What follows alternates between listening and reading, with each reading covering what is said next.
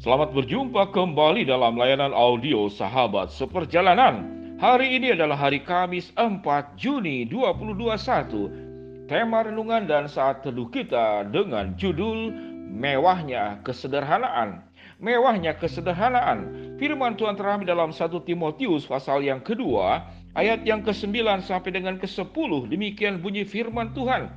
Demikian juga hendaknya perempuan hendaklah berdandan dengan pantas, dengan sopan dan sederhana. Rambutnya jangan berkepang-kepang, jangan memakai emas atau mutiara atau pakaian yang mahal-mahal, tetapi hendaklah ia berdandan dengan perbuatan baik, seperti yang layak bagi perempuan yang beribadah.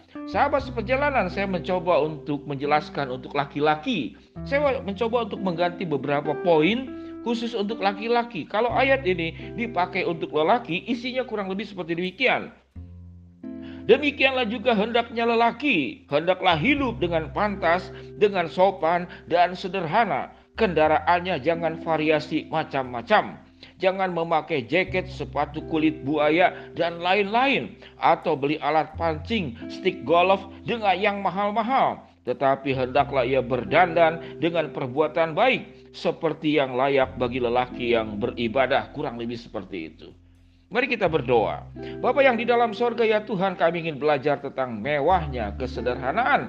Bagaimana Allah mengajarkan kami hidup untuk pantas, untuk sopan, untuk sederhana, dan dandanan kami adalah perbuatan baik sebagai pribadi yang beribadah kepada Tuhan. Di dalam nama Tuhan Yesus kami berdoa. Amin. Shalom sahabat seperjalanan yang dikasih Tuhan, mewahnya kesederhanaan. Sebetulnya kebahagiaan itu adalah murah. Kebahagiaan itu adalah mudah dan kebahagiaan itu sangat dekat dengan kita. Mengapa kebahagiaan itu menjadi jauh? Mengapa kebahagiaan itu menjadi mahal? Dan mengapa kebahagiaan itu menjadi sulit didapat? Karena kita menambahkan kebahagiaan itu dengan unsur-unsur yang dikatakan di dalam Alkitab. Kalau perempuan itu tidak berdandan, rambut berkepang-kepang, artinya bukan tidak boleh berkepang-kepang. Tapi berupaya menarik dengan berbagai macam cara dengan tujuan motivasi ingin dipuji, ingin diterima, ingin disanjung, dan dianggap punya kelas tersendiri. Kalau ayat ini dikatakan mungkin dengan pakaian-pakaian yang mahal, kita mengatakan memakai emas dan mutiara bergantungan di mana-mana, di tangan ada, di telinga ada, di mana lagi ada, saudara-saudara. Ya di jari jemari juga ada.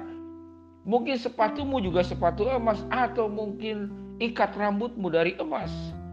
Nah kalau laki-laki juga sama. Saya bertemu dengan seorang bapak dia memvariasi motornya sedemikian rupa lalu berkata, Pak Pendeta saya baru sadar. Variasi motor yang saya pakai ini harganya saja hampir setengah dari harga motor yang dibeli. Padahal variasi itu tidak punya fungsi dan kegunaan. Secara fungsi untuk kendaraan itu tidak ada manfaat, malah melanggar knalpot diganti. Knalpot motor yang sudah didesain oleh penciptanya agar tidak punya kebisingan dibuat menjadi bising. Kurang lebih begitu. Yang menarik alat untuk menutup ban belakang motor supaya cipratan air itu tertahan dan tidak naik ke atas ini malah dicabut. Kelihatannya keren. Karena itu ban motornya yang besar itu nampak kelihatan dari belakang keren. Yang menarik saya melihat setelah dicabut lalu hujan. Hujan tentu air itu akan menciprat ke bagian tubuhnya sendiri. Lalu setelah dicabut hujan dia juga tidak ingin terciprat oleh katakanlah kotoran yang ada di jalanan. Lalu dia pasang kembali dengan pakai kardus Indomie, kardus mie instan, diikat pakai tali rafia. Ya itulah manusia sahabat seperjalanan yang dikasih Tuhan. Membuat rumit. Karena mengapa? Karena orientasi hidupnya adalah bagaimana dipuji, bagaimana dianggap sebagai kelas-kelas sosial tertentu, penerimaan yang luar biasa, sahabat seperjalanan. Allah sudah mengajarkan bahwa kesederhanaan adalah sebuah kehidupan yang memuliakan Allah. Kalau kita hidup secara berlebihan memamerkan sesuatu dalam hidup kita, maka dampaknya itu akan buruk dan bisa mencelakakan kita. Mengapa demikian? Yang pertama, akan menimbulkan kecemburuan sosial. Istri saya, Ibu Helen, mengatakan, anak Tuhan itu harus bisa pandai menangkap sinyal sosial. Apa itu sinyal sosial? Karena hidup kita tidak sendiri. Sewaktu kita menggunakan apa, kita memakai apa, kita kemudian makan sesuatu apa di tempat mana, kita harus menangkap sinyal sosial. Tidak semua orang itu mengalami kelebihan-kelebihan sementara mereka bertarung dengan kebutuhan primer, lalu kita bertarung untuk mencukupkan kebutuhan tersier. Kebutuhan-kebutuhan yang sebetulnya tidak perlu, yang tidak perlu. Kalau ada kelebihan, maka biarlah kelebihan yang kita miliki itu dipakai secara bijaksana. Sahabat seperjalanan yang dikasih Tuhan, efeknya apa? Kecemburuan sosial. Yang kedua efeknya adalah meningkatkan katakanlah jumlah kejahatan. Jadi memancing orang itu untuk berbuat jahat kepada kita. Karena mereka pertama memang dorongan berbuat jahat itu karena kebutuhan membuat orang berbuat jahat. Ada ibu-ibu yang kemudian mencari susu di supermarket karena untuk bayinya, karena itu dorongan kebutuhan. Kemudian yang paling utama adalah ini adalah perbuatan dosa yang tidak melanggar hukum. Tidak ada saudara-saudara Anda memakai emas di tangan Anda di seluruh badan Anda. Lalu kemudian ditangkap polisi dianggap melanggar hukum. Tidak. Tapi itu perbuatan dosa yang tidak melanggar hukum. Yang di mana kita berada di hukum di Republik Indonesia ini. Tidak ada yang melarang. Tidak ada yang melarang Anda memakai mobil mewah. Tidak ada yang melarang Anda punya hal-hal tertentu. Namun tatkala itu adalah tujuannya untuk dipamerkan. Apakah sebuah pertanyaan, kelebihan-kelebihan berkat yang Tuhan berikan kepada kita itu untuk dipamerkan, sementara Alkitab mengatakan kelebihan berkat itu untuk dipertanggungjawabkan, bukan untuk dipamerkan. Dipamerkan maka waktu engkau memamerkan sesuatu kepada orang lain, maka engkau sedang menikmati kebahagiaan di atas kecemburuan, menikmati kebahagiaan di atas iri hati orang lain, menikmati kebahagiaan di atas penderitaan dan kesusahan orang lain maka menikmati kebahagiaan di atas kesusahan orang lain ini adalah perbuatan dosa. Sahabat seperjalanan yang dikasih Tuhan. Setuju atau tidak dengan statement yang saya sampaikan ini? Alkitab mengajarkan engkau hidup itu harus pantas, sopan, dan sederhana.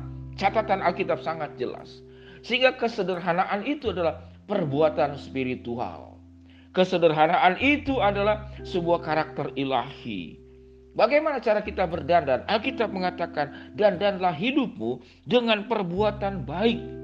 Sehingga engkau menjadi seorang lelaki atau seorang wanita yang beribadah kepada Allah. Sahabat seperjalanan yang dikasih Tuhan. Apa yang menjadi hak milik kita itu memang urusan dirimu sendiri. Uang-uang saya, barang-barang saya, ngapain kamu ngurusin saya? Ya silahkan kalau itu prinsip hidupmu.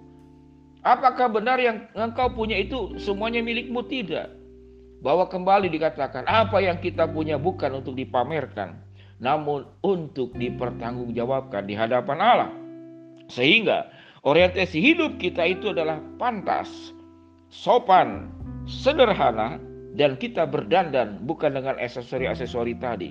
Namun dengan perbuatan baik dan menunjukkan sebagai pribadi yang beribadah kepada Allah. Sahabat perjalanan yang dikasih Tuhan, mewahnya kesederhanaan dan mewahnya kebahagiaan dengan cara hidup sederhana. Milikilah cara hidup yang sederhana. Kalau kita diberikan berkat kelebihan, itu bukan untuk dipamerkan, namun untuk dipertanggungjawabkan. Mari kita berdoa.